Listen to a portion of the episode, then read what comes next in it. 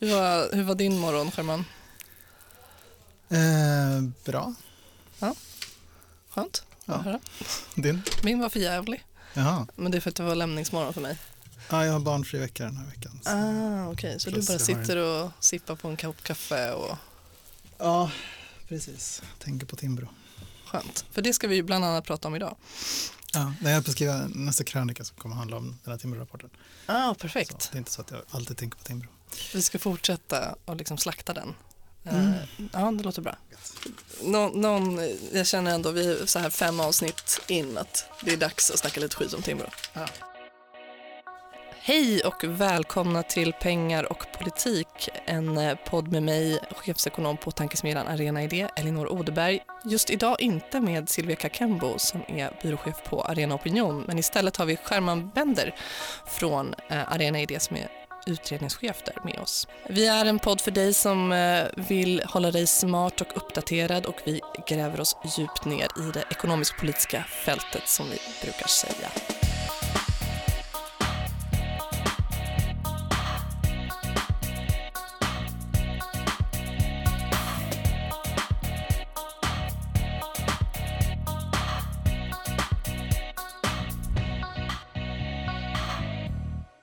Idag ska vi prata om två teman. Eh, vi ska prata lite om vilka vi är egentligen som är bakom den här podden, eh, Arena Idé och vi, vad är en tankesmedja? Eh, vad menar vi med att vi är en progressiv tankesmedja som vi brukar säga? Och sen ska vi också passa på när vi har Sherman i studion att prata om Tesla. Eh, för er som har följt den konflikten bara lite grann har garanterat stött på Sherman som har skrivit i eh, flera medier eh, om det här eh, och kanske skulle jag vilja säga i alla fall är Sveriges främsta expert kanske på den här konflikten och eh, på eh, den svenska partsmodellen som du doktorerar eh, i. Men vi börjar lite med Arena Idé, tankesmedja. Vad, hur smider man tankar? Hur skulle du definiera liksom, en tankesmedja, Sherman?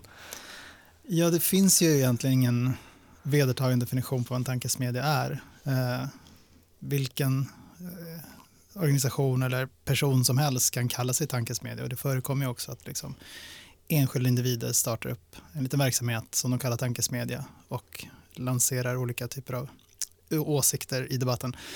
Men det är väl det som är kärnan, liksom, att det handlar om att driva opinionsbildning i något område, oftast någon, någon typ av någorlunda definierat område. Vissa, vilka tank, vissa tankesmedjor är väldigt snävt definierade, som tankesmedjan Balans som fokuserar väldigt mycket på skolan, i alla fall inledningsvis, när de gått mer åt att eh, fokusera på finansiering av välfärd och styrning inom välfärden och så. Eh, och så finns det andra tankesmedjor som vi till exempel och Timbro som vi kommer att prata om lite, som är bredare och har ett mer allmänt samhällspolitiskt eh, fokus. Eh, och sysslar med kunskapsförmedling också kan man väl ja, säga, men med en politisk ingång på något vis, eller Ja, opinionsbildande ingång. Precis, och ganska ofta partipolitiskt obunden ingång, så som i vårt fall. Eh, det är inte så vanligt med tankar som är specifikt kopplade till ett politiskt parti. Det förekommer, men det, det är ganska ovanligt. Det har ju tiden som är kopplad till Socialdemokraterna. Tiden är kopplad till Socialdemokraterna. Det finns ett, eh, en stor tankesmedja i USA som heter Center for American Progress som är kopplad till Demokraterna. Och det finns en del sådana eh, exempel. Jag skulle säga att en, en central uppgift för tankesmedjor som jag ser i alla fall, eh, i alla fall för liksom, viktiga och seriösa tankesmedjor, det är att, att vara en slags eh, länk mellan forskning och politik. Och då menar jag inte partipolitik nödvändigtvis, utan politisk förändring i samhället. I, i vårt fall så ser jag det som att vi, vi har en uppgift att förmedla forskningsresultat och forskningsinsikter till, in i samhällsdebatten och omvänt att kanalisera liksom viktiga frågor och viktig kunskap som uppstår i, i samhället, inte i forskningen, tillbaka till forskningen så att den kan bli medveten om vad som är viktigt för samhället att forska om. Så det, det är liksom ett slags dubbelriktat ansvar som jag tycker att vi bör ha. Mm.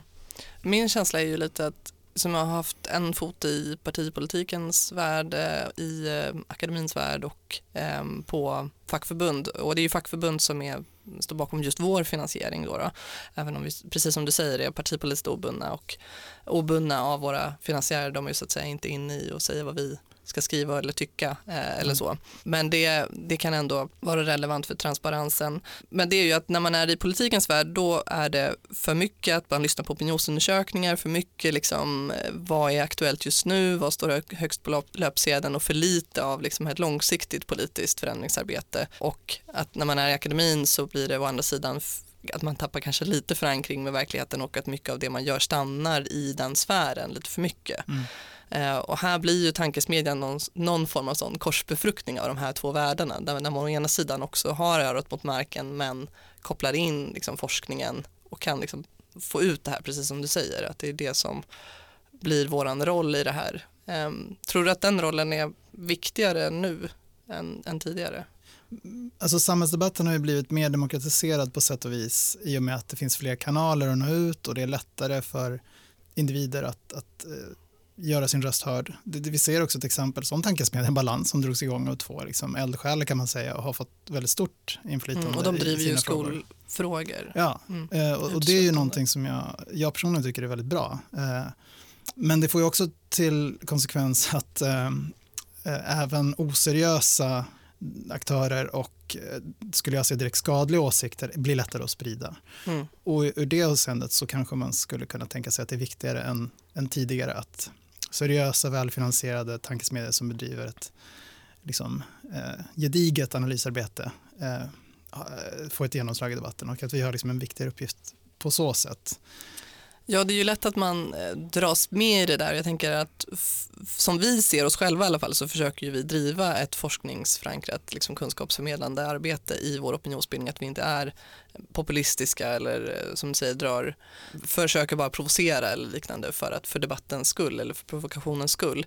Eh, men att det kanske blir svårare för jag tänker att det här kopplar an till det allmänna tykonomilandskapet. Att det blir liksom mer tyckande att folk alltmer får sina nyheter från ja, men ledartexter eller eh, sin egen filterbubbla på eh, Facebook eller andra sociala mediekanaler. Eh, för ungdomar så är ju sociala medier den främsta eh, nyhetskanalen mm. numera snarare än de etablerade medierna. Då, då tänker jag att man hamnar lite i en konflikt ändå. Okay, man vill försöka nå ut till de här grupperna och sättet att göra det på är att vara väldigt tillspetsad. Är det så att säga värt att vara lite väl tillspetsad för att få in, ha det som en slags gateway in i någon mer seriös hur ser du på det? Eh, jag tycker nog inte det personligen. Eh, jag tror att riskerna med det är ganska stora. Eh, man får liksom inte tappa på seriositet och sina grundvärderingar. Och jag tycker också att en viktig, om jag ska fortsätta det här med varför tankesmedjans roll kanske är viktigare idag än tidigare, det är att jag tycker att partier också har tappat lite av sitt idéutvecklingsarbete liksom, och ansvar.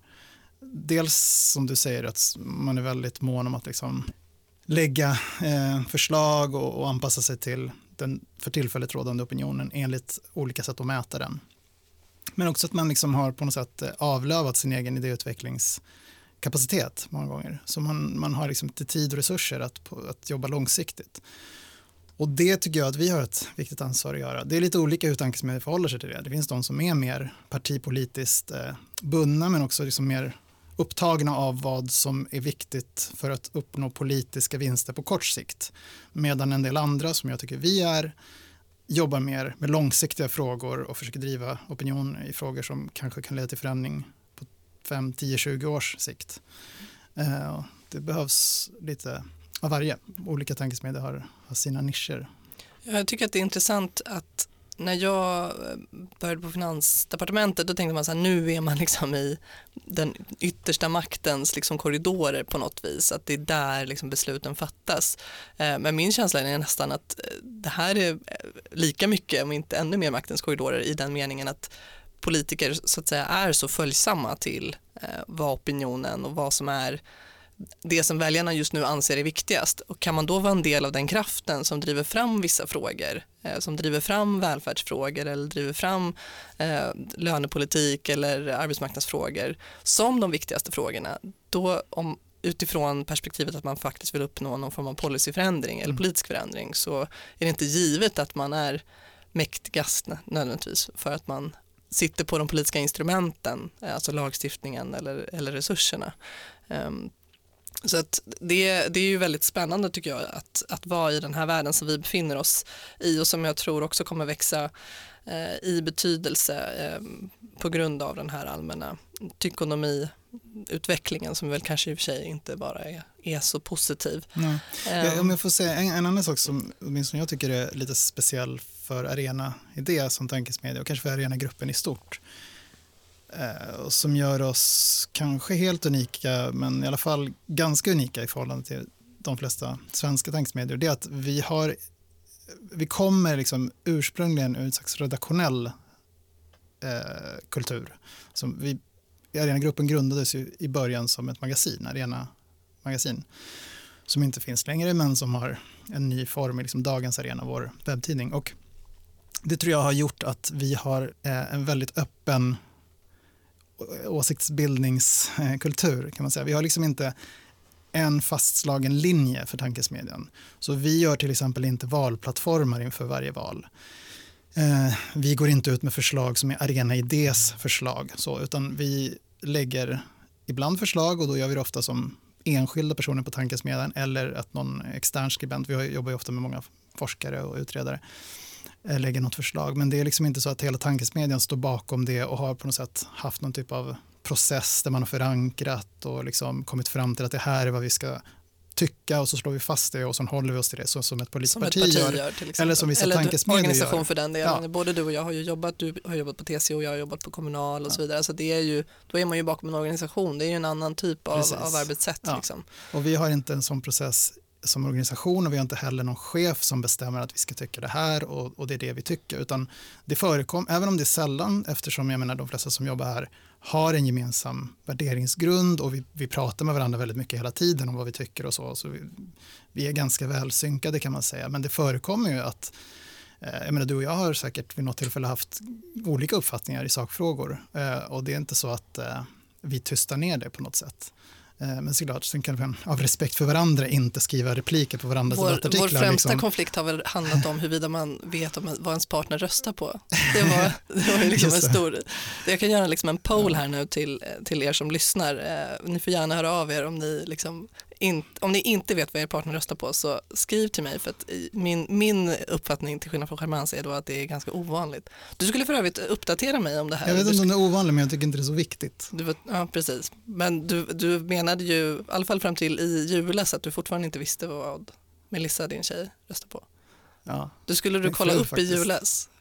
Som jag minns det var det det du skulle, att du skulle liksom kolla, kolla upp det här under ledigheten om det Ja. verkligen stämde att ni aldrig under era tioåriga. Kom om det.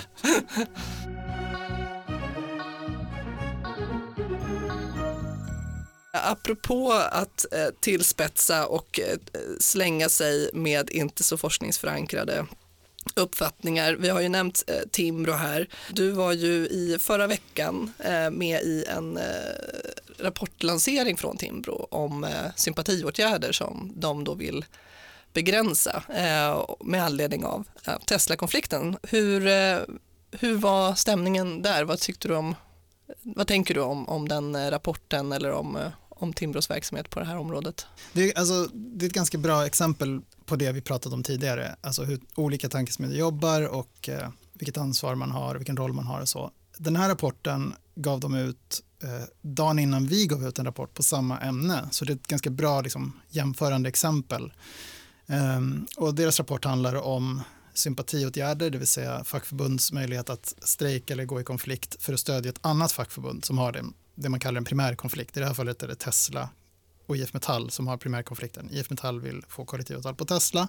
Tesla vägrar och sen den 27 oktober förra året så pågår en strejk i Teslas verkstäder och då har nio andra svenska fackförbund och tre andra nordiska fackförbund gått ut med sympatiåtgärder för att stödja IF Metall. Då. Det får man göra i Norden, får man inte göra i många andra länder, till exempel USA och, Tyskland, eh, förlåt, USA och eh, Storbritannien. I Tyskland är det vissa begränsningar på det. Timbro menar att de tycker att sympatiåtgärder borde förbjudas i Sverige eh, och de gav ut en rapport med sju förslag på det. Och vi menar att det inte bör vare sig förbjudas eller begränsas och vi gav ut en rapport. Också, de hade en debattartikel i Dagens Industri om det, vi hade en debattartikel i Dagens Nyheter om det. Så det, det, det är väldigt likartad liksom, arbetsprocess för båda tankesmedierna. Skillnaden är att Timbros rapport är urusel. Eh, Milt, Milt sagt. Och det framkom på ett seminarium när de lanserade rapporten där jag eh, var inbjuden till panelen och även en arbetsrättsforskare som heter Erik Sinander på eh, Stockholms universitet. Vi skulle kommentera rapporten. Och vi hade inte haft någon kontakt innan, jag känner inte honom sedan tidigare. Eh, han har skrivit tidigare en rapport om konfliktåtgärder för, för tankesmedjan Ratio som är en annan näringslivsfinansierad tankesmedja. Det visade sig att vi var och en på vårt håll hade fokuserat på olika saker i rapporten men båda sågade rapporten ganska grundligt på det här seminariet. Det som var lite roligt var ju att när, innan du var på väg till det här seminariet så var ju din bild att du skulle behöva så att säga, dra, dra lasset. Och det får man ändå ge Timbro att de ändå bjöd in panelister som har forskarbakgrund och som sannolikt skulle vara kritiska. Men du, mm. men du var ju liksom beredd på att... Eh, jag är inte så säker på att de förberedda på att Erik Senander skulle vara kritisk. Men de var nog väldigt säkra på att jag skulle vara det eftersom jag har pratat så mycket om Tesla-strejken de senaste månaderna i olika sammanhang och eh, försvarat rätten till sympatiåtgärder. Så det var liksom ganska givet att jag skulle vara kritisk till vad de föreslog. Däremot kanske de inte var förberedda på att jag skulle vara kritisk till de sakliga argumenten som de hade i rapporten. Alltså de påstår en del saker som är direkt felaktiga. Och de använder dessutom källor som om man läser de källorna inte stödjer det de säger, vilket är ganska låg nivå. Alltså så här, det, det, skulle vi för, akta oss för att göra. Liksom, anföra en källa som stöd för någonting och så visar sig att källan inte stödjer det. Liksom, det är ganska lätt att slå hål på en sån argumentation. Så det var det jag gjorde. Eh, och Erik Sinander å sin sida eh, sågade rapporten ur strikt juridiskt eh, hänseende. Han gick, gick genom sakfel, rent juridiska sakfel. Och de här två killarna som skrev rapporten är själva jurister så det måste ha svidit ganska hårt. Är de liksom färdiga jurister? Jag vet inte. Jag vet inte. En annan lite kul detalj var att de hade det här seminariet på ABF. Jag, vet jag tror inte att Timbro någonsin har hållit ett seminarium där. Eh, alltså ABF-huset i Stockholm. Och eh, de gjorde ju det som en slags markering, som en slags liksom, retlighet. Eh, att, att, boka in sig på ABF och lansera en rapport där man försöker i princip eh, föreslå att strejkrätten ska upphävas. Och mm. då är Arbetarnas bildningsförbund, ABF, Arbeta, alltså. ja, precis. Folkrörelse för arbetare. Och då är det särskilt kul att de fick så att säga, stryk på bortaplan. Mm. Och om man inte kände till det sedan innan och om man inte anat det av den här rapportens ingångar så är då Timbro näringslivsfinansierade. Um, ja. kan, vara, kan vara bra att, att veta. Um, det som jag tycker också är intressant är ju att apropå balans och så vidare, nu glider jag kanske tillbaka lite här, men eh, vi brukar ju ofta tycka att ja, men näringslivets tankesmedjor, det finns ju fler, eh, Ratio till exempel och IFN och så vidare, har så mycket större ekonomiska muskler Mm. Men att det också går att göra mycket med få personer. Um, det här är då inte en uppmaning till min, minskad finansiering för oss, tvärtom, men, men att det är liksom inte nödvändigtvis det som, som avgör kvaliteten på det man gör eller genomslaget som man får, eh, hur mycket, mycket pengar man har. Nej, alltså det, är det en opinion som är så att säga den andra halvan av den här podden, normalt sett, där Silvia Kakembo är, är byråchef, de gav ut en rapport eh, för två år sedan där man tittade på finansieringen till tankesmedjor i Sverige och eh, det är svårt att räkna på det, liksom. en ganska grov beräkning eh, av den sammanställning som man gjorde då var att de borgerligt finansierade tankesmedjorna har ungefär tio gånger mer, 250 miljoner i finansiering, medan de progressiva tankesmedel på så att säga vår planhalva har ungefär 25 miljoner totalt sett i Sverige i finansiering. Mm. Så att det, det, är ett 1 till 10 styrkeförhållande, så det är liksom ett enormt överläge för den borgerliga sidan. Så det, det är det vi har på något sätt att förhålla, förhålla oss till. Till. Ja. Precis. Och där det, har vi också Katalys till exempel, vår syster tankesmedja kan tiden, man säga. Eh, ja, balans kanske räknas in där, jag vet inte. Eh, det är inte så många, ja, det förklarar ju delvis varför det finns inte, inte finns så många tankesmedjor på eh, den mer progressiva sidan, men också att vi har mycket mindre resurser helt enkelt. Det, mm. Så är det ju bara. Eh, men som du säger så finns det ingen korrelation mellan resurser och seriositet mm. Eh, eller kvalitet. Däremot tror jag att det finns ett visst, genomslag, eh, ett visst samband mellan resurser och genomslag, tyvärr. Alltså Timbro har ju enormt mycket mer resurser att kommunicera det de gör i olika kanaler. Och det har ju inte vi på samma sätt. Vi har inte heller kanske samma ambition att nå ut till breda målgrupper. Det är delvis en resursfråga. Så vi fokuserar ju mer på beslutsfattare och journalister och politiker, fackföreningsförtroendevalda och så. Eh, men eh, det är ju tråkigt liksom, för oss som försöker vara seriösa att möta en motpart som lägger väldigt långtgående förslag. I Timbros fall vill de liksom avskaffa strejkrätten i grundlagen. Och de gör det med en rapport som är undermålig, som inte håller, som mm. på sätt och vis kan sägas vara definitivt oseriös, för att inte säga lögnaktig. Det som eh, jag tycker också blir frustrerande är ju att man ofta ställs mot Timbro i olika sammanhang. Ja. Alltså att eh, medierna har en viss ängslighet att bara bjuda in inom citationstecken ena sidan eh, och vi uppfattas då som en part för att vi har en facklig finansiering och det tycker jag i sig att man kan ifrågasätta. Jag menar, vad, ja, vi är partiska då med de 4,6 miljoner anställda på Sveriges arbetsmarknad. Mm. Alltså, eh, ja, och jämfört då med en bankekonom eller en eh, ja, eh, näringslivsfinansierad eh, ekonom som är lojal med vem då? Någon ja, företagsliv, företagsledning. Liksom. Ja. ja. Så att, eh, det, det, den, ehm, hur man tolkar partiskhet kan man, kan man ha en diskussion om i sig men det gör ju att när man då hamnar i en debatt med någon som i, i mitt fall har det varit sådär, ja vi vill typ avskaffa föräldraförsäkringen eller vi, ja, den där typen av liksom. ja, ett annat förslag som Timrå hade. Så, och det, man får ju känslan av att det är bara ett sätt att få just klick och uppmärksamhet, att det är liksom inte ens att de egentligen tycker det, eller oklart om de verkligen tycker det, men att, men att man får uppmärksamhet. Och då blir ju debatten på en sån otroligt låg nivå. Man, eh, man skulle ju önska en liksom lite mer vass och kunskapsbaserad motpart helt enkelt. Men jag tänkte på det apropå just IFN och Daniel, Daniel Waldenström är en sån här forskare som tycker jag lite kidnappats av högern. Han får ofta vara den som liksom kommenterar eh, på Moderaternas ekonomisk-politiska seminarium till exempel och eh, driver att eh, jämlikheten i Sverige egentligen är, ser mycket bättre ut än vad, vad debattörer gör gör härledande. Hans största grej verkar vilja vara att såga Oxfams årliga rapport om inkomstklyftor eh, och så vidare. Så att eh, han driver ju det väldigt starkt och driver liksom skattesänkningar framför allt. Men jag fick faktiskt lite förståelse för honom och lite så förståelse för andra sidan när jag var inbjuden till eh, IFN, alltså eh, Institutet för näringslivsforskning där han arbetar. De skulle lansera en, en skatte, skatterapportserie då blev jag också för övrigt lite avundsjuk för att han hade typ tio forskare som alla skulle liksom skriva om det här på, med olika infallsvinklar.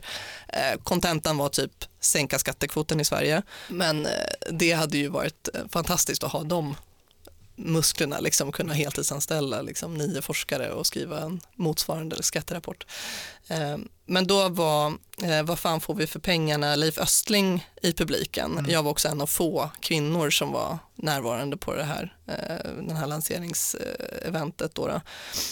Och eh, Daniel stod och beskrev det här projektet och det var som sagt ändå uppenbart att projektet gick ut på att skattekvoten liksom är för hög, att man ska på olika sätt liksom angripa den frågeställningen. Men det, det räckte inte för, för Leif Östling som eh, var upprörd över att de inte gick in i vad vi gör då för de här resurserna som vi redan lägger på offentlig sektor. Att vi måste ju omprioritera och ja, vad fan får jag för pengarna? Eh, argumentationen helt enkelt. Ja. Eh, och då kände jag liksom plötsligt sympati för Daniel Wallerström för första gången på länge. Att så här, okay, det här är liksom det han har att hantera mm. eh, i sin värld. Eh, och att eh, han, kanske, han kanske inte är så farlig ändå. I, I vår värld kanske han framstår som, som en radikaliserad forskare. Men i, men i hans värld så kanske han ändå håller lite lite emot. För då kunde han ändå resonera om att skatterna trots allt ju finansierar vår allmänna välfärd mm. och det kanske inte är något vi vill skära i Nej. trots allt. Om jag ska säga någon, några saker liksom till eh, försvar för en del av de personer och organisationer som vi här kritiserar.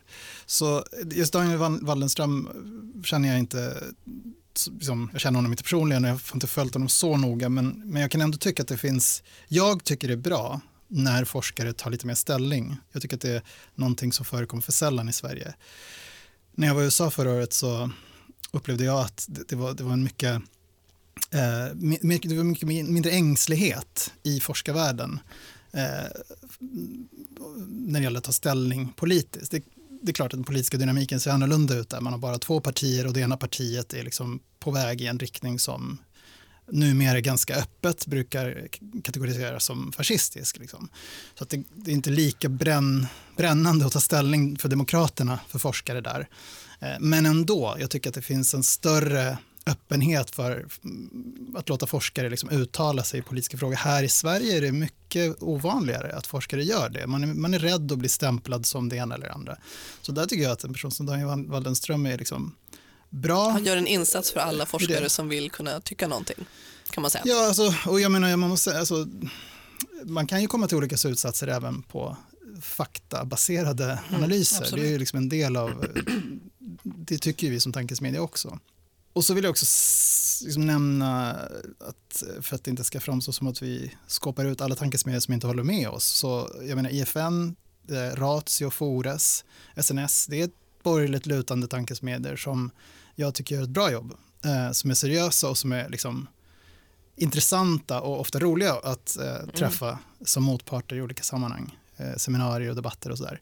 Till skillnad från Timbro som, som jag tycker har en helt annan roll. De har, verkar ha någon typ av uppdrag att, jag vet inte hur uttalat det är, men det är den rollen de spelar. Men som tänja... Tankesmedjernas ungdomsförbund på något vis. Ja, lite så, precis.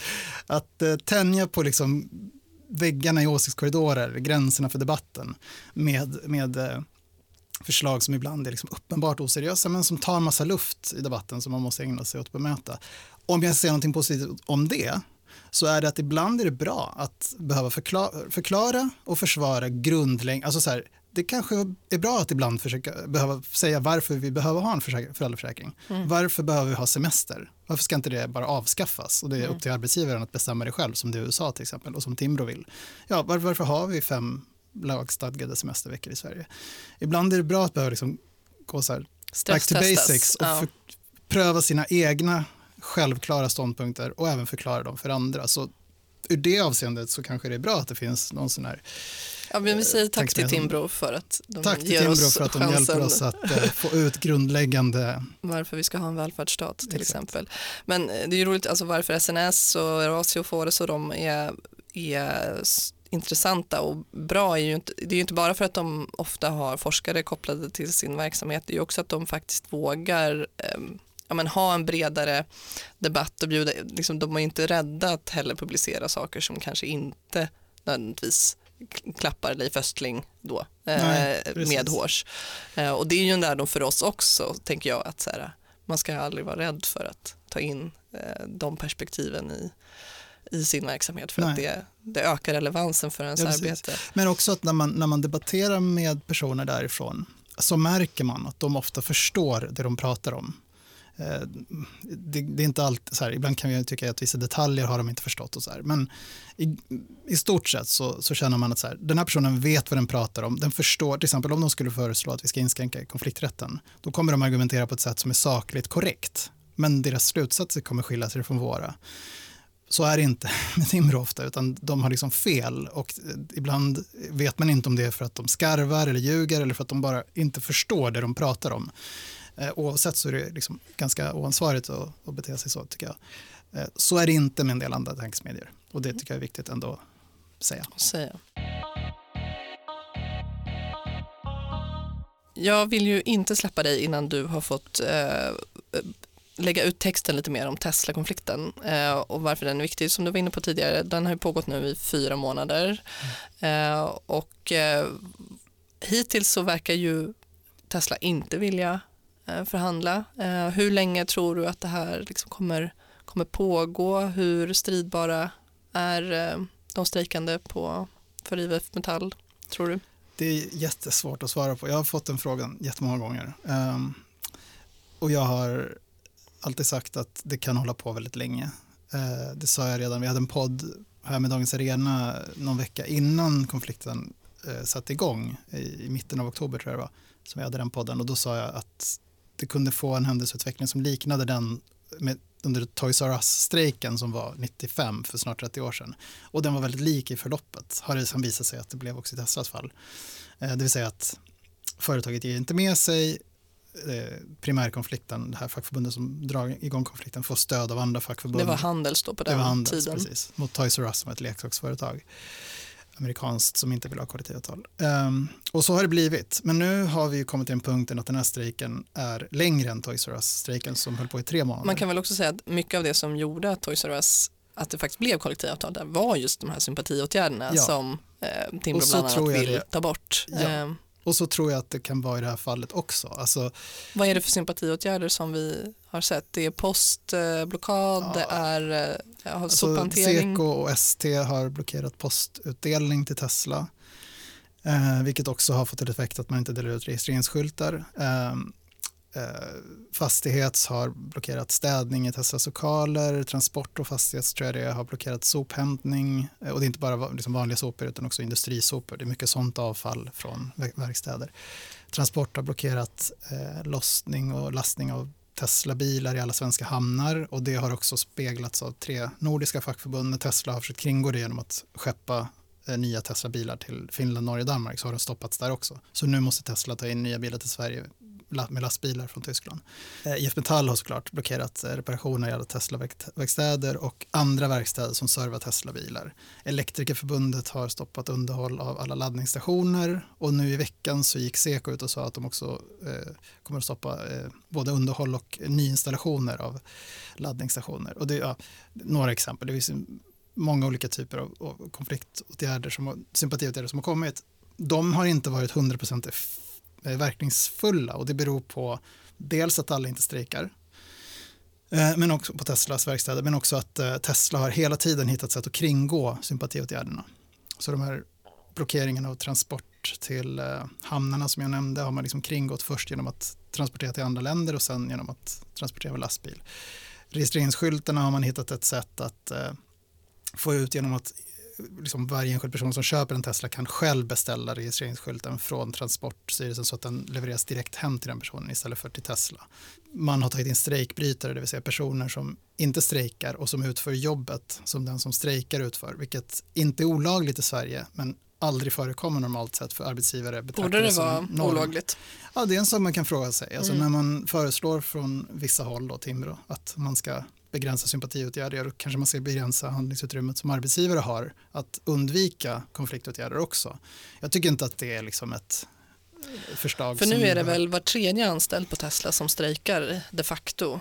Ja, det Eh, verkar vara så enligt de siffrorna som Medlingsinstitutet publicerade nyligen som man kunnat räkna bakvägen. Man vet inte vilka som strejkar, men när man tittar på antalet strejkdagar så kan man liksom dela det med heltider och så blir Mm. det 44 personer ungefär. Det skulle då betyda att mer än hälften av IF Metalls medlemmar strejkar. Mm. För IF Metall har ungefär hälften av de anställda på Teslas verkstäder som medlemmar. Om man tycker det är mycket eller lite, det kan man ju diskutera. Det är färre än vad IF Metall hade önskat och det är färre än vad som behövs för att utverka. För att strejken verkligen ska bli verkningsfull. Alltså nu Ja. blir det som en, ja det försenar och försvårar arbetet men arbetet kan ändå pågå Ja. vilket väl talar för att det kan bli väldigt långdraget. Precis, och Tesla verkar inte eh, vara särskilt brydda eh, över liksom vad det här kostar eller vilket Mm. krångel det innebär för dem. Men det tar ganska lång tid, eh, ofta för sympatiåtgärder och konfliktåtgärder, att, att ha ordentlig effekt. Eh, Men det här är väl den längsta strejken vi har haft på väldigt länge i det, Sverige. det jag har sett eh, nämnas är att det är ungefär 80 år sedan det var någon Mm. liknande. Så det, och det är ju ganska Och- och- men- ovanligt också att vi har den här typen av strejker. Men Ja, men det är viktigt att säga att det är alltså den längsta strejken på länge. Det är inte den mest omfattande strejken på länge. Och det är viktigt att få ut också för att en del av argumentationen som Timbro hade i den här rapporten var att eh, Sverige liksom präglas av omfattande och långa och liksom skadliga strejker och det stämmer ju inte överhuvudtaget utan strejkerna i Sverige är för det första väldigt få, extremt få, alltså även jämfört med Norge, Danmark, Finland, Tyskland så har vi så många, många gånger, ungefär 20 gånger färre strejker än nordiska länderna och ungefär 7-8 gånger färre än Tyskland. Så det är, Sverige är ett extremt fredligt land, vi har få strejker på arbetsmarknaden. De är ofta dessutom korta och begränsade till omfattningen så de täcker inte stora sektorer på arbetsmarknaden. Tesla-strejken är liksom exceptionell eftersom den har eh, hållit på så länge och har fått så mycket sympatiåtgärder. Men det är inte särskilt många strejkdagar ännu för det är inte så många som är involverade. det, 12 eh, verkstäder eh, i Sverige och Ja, ungefär 10-12 och sånt 100, där. ans, an, någon, 100 någonting anställda som är berörda. Och, Ja, alltså de som har gått ut i strejken, strejk verkar ju då vara 45, 44, Mm, för, något mm. sånt där personer. Eh, och jag menar, skulle Tesla lämna, eh, då är ju det sannolika att de här mas- maskinoperatörerna och verkstadsarbetarna anställs i någon annan verkstad med kollektivavtal. Det är också en sak och viktigt att hålla i minnet att det är inte så att den här kompetensen försvinner för att Tesla som företag skulle lämna om det nu skulle komma till det. Ja. Eh, alltså, eller som Tesla som arbetsgivare lämnar. Som eh. arbetsgivare, det är väldigt svårt att föreställa sig att Tesla skulle sluta, sluta sälja bilar, bilar, i Sverige eller sluta underhålla de 50 000 drygt Tesla-bilar som finns i Sverige och bara lämna de bilägarna i, sticket. Liksom. Eh, lämna sin laddningsinfrastruktur.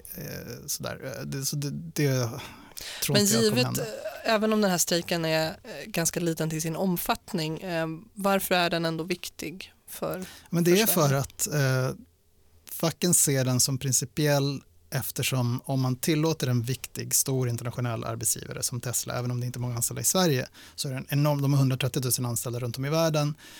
Och I Sverige så är de ändå inte en liten arbetsgivare och de är en symboliskt liksom välkänd och viktig elbilsaktör. Om de tillåter en sån arbetsgivare att inte teckna kollektivavtal, ja då kommer andra arbetsgivare i samma bransch att börja fråga sig själva, jaha, varför ska vi ha kollektivavtal? Alltså andra verkstäder, andra bilförsäljare. Och i förlängningen så kan det sprida sig till även andra branscher. Varför ska vi teckna kollektivavtal om inte Tesla behöver det? Den frågan får inte sprida sig på arbetsmarknaden. För, för då riskerar hela den svenska partsmodellen att gå under och det skulle drabba arbetsgivare också.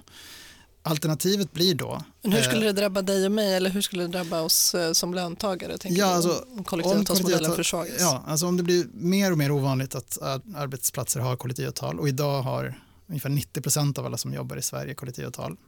Men det är 70 procent som är organiserade i ett fackförbund. Det är ungefär 70 som är Så vi har en, en 20 procent som åker snålskjuts på alla som är fackligt organiserade. Ja, kan man, kan man säga. säga. Så att, eh, I Sverige så får ju alla som jobbar på ett ställe med kollektivavtal del av de förmånerna som kollektivavtalet garanterar, även om man inte är med i facket. I en del andra länder som USA är det inte så. Då Nej. måste man vara med i facket. Men liksom, om det skulle bli så att kollektivavtalstäckningen sjunker, att färre och färre arbetsplatser har det, ja då skulle förmodligen villkoren bli betydligt sämre. Eh, därför att det blir mycket lättare för arbetsgivarna att sänka villkor.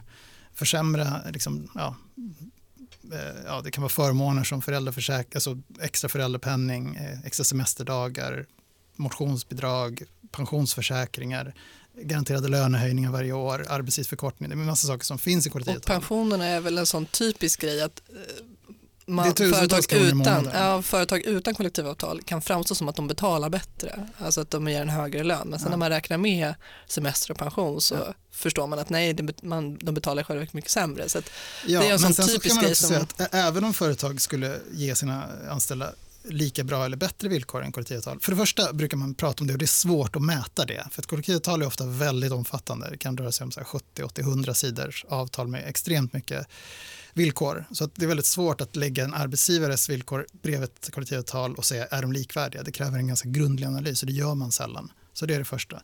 Men om det ändå skulle vara så då är det ändå så att det finns två viktiga problem med det. Det ena är att arbetsgivare som inte har kollektivavtal, de kan ensidigt när som helst förändra villkoren för sina anställda. Nej, vi tycker inte det här funkar, vi kommer att dra in ja, karensavdraget. Mm. Eller eftersom den svenska arbetsrätten är ganska så svag eftersom att vi har den här kollektivavtalsmodellen ja. istället. Så att då vilar man bara på lagstiftningen så har man inte ett jättestarkt skydd. Nej, det andra är att om man tillät fler arbetsgivare att göra så, då skulle ju andra arbetsgivare som inte är så intresserade av att ge sina anställda lika bra villkor också vilja slippa undan kollektivavtal, men då med syftet att sänka villkoren. Det är långt ifrån alla, eller ens en majoritet av arbetsgivarna, som på eget bevåg skulle vilja ge sina anställda så bra villkor. Så kollektivavtalet behövs för, för att liksom garantera de villkoren. I en del andra länder så gör man inte det på det viset, utan man har mycket striktare lagstiftning. Och det skulle vara alternativet då, att okej, okay, vi övergår från en kollektivavtalsmodell till en modell där vi lagstiftar mycket mer detalj och mycket striktare för alla arbetsgivare. Och det vill inte de flesta arbetsgivare ha heller, för då kan de inte anpassa villkoren för sin egen verksamhet, sin egen bransch, utan då är det lagstiftning Eller för den delen som arbetstagare. Jag tänker att det här arbetstidsdirektivet nu som har drabbat ambulanssjukvårdare exempelvis är ett sånt också typiskt exempel på när liksom en, en lagstiftning som förvisso har goda intentioner att man ska garantera eh, återhämtning och så vidare men eh, som blir väldigt trubbig när man applicerar den på alla sektorer och där mm. vissa sektorer så är kanske de, här, de som jobbar där och företaget väldigt nöjda med det upplägg som han har då kommit överens om i sitt avtal och det har man ju då möjlighet att göra i vår, i vår modell normalt sett. Så därför så IF Metall och de fackförbund som har lagt sympatiåtgärder de gör en insats för oss alla på svensk arbetsmarknad. Eh, jag ska släppa dig nu, göra lite reklam också för att din avhandling kommer den 15 mars. 15 mars. Ser väldigt mycket fram emot det. Jag ser också fram emot att Silvia kommer tillbaka. Jag har inte lett det här programmet ens i närheten av lika proffsigt som hon gör. Eh, så Silvia, ja, tack. Vi, jag saknar dig. Vi ses i nästa avsnitt och, och tack till dig Sherman Nej, det för att du kom in här och gästade. snackade skit om timmar. Vi hörs och ses ni som lyssnar. Tack för att ni har lyssnat. Du har lyssnat på Pengar och politik, en podd av tankesmedjan Arena Idé i samarbete med PR och kommunikationsbyrån Arena Opinion.